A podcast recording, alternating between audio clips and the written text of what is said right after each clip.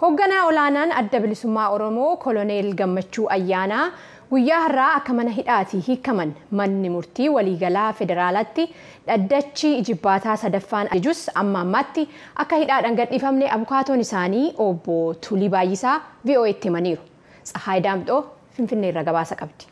Manni murtii waliigalaa federaalaa dhaddacha jibbaataa sadaffaan galmee koloneel gammachuu ayyaanaafaa har'atti kan beellamee tureef waggaa tokkoon dura manni murtii kan bilisaan isaan lakkise haala kamiin hidhamanii turan waan jedhu qoratee murtee kennuufidhaa jedhan abukaatoon isaanii obbo Tulii Baayisaa. Galmee qorachuudhaaf bulchee manni murtii waliigalaa federaalaa dhaddachi jibbaataadha. Garuu galmeen kan qoratame dhimma ijoo irratti yookaan dhimma ittiin himataman otoo hin ta'in akkaan akkaataatti hidhamanii turan irratti qulqulleeffachuudhaaf ture manni murtii gidduu kana beellamaa kan ture. Bu'uuruma kanaan galmee qoratee manni murtii waliigala federaalaa dhaddachi jibbaataa waggaa tokko erga manni murtii bilisaan isaan geggeessee hidhamanii turuun isaanii seeraan ala ta'uu mirkanaa'ee jira. Kun immoo heera mootummaa federaalaa kan naannoo fi seerota Itoophiyaa sadarkaa addunyaatti mallatteessitee hunda kan cabsu waan ta'eef sa'aatii ammaa kanarraa qabamee akka gallakkifamu jedhee manni murtii murtii dabarsee ajaja kennee jira. Manni murtii waliigalaa federaalaa dhaddacha jibbaataa kun koloneel gammachuu ayyaanaafaa bilisaan akka mana hidhaatii bahan murtee dabarseera jechuunis obbo Tuliin ibsaniiru.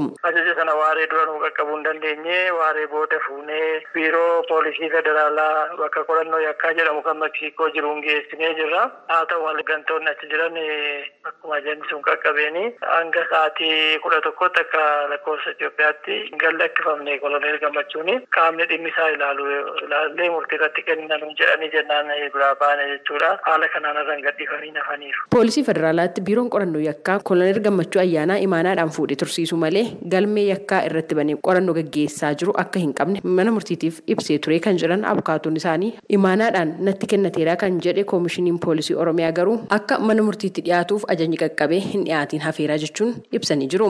koomishiniin mirga namummaa Itoophiyaa hooggansi adda bilisummaa oromoo seeraan ala hidhamanii jiran hatattamaan mana hidhaarraa haayekaman jedhee ibsa baasuunsaa ni yaadatama. gabaasa sagalee ameerikaatiif tsahayi daamxoo finfinneerra.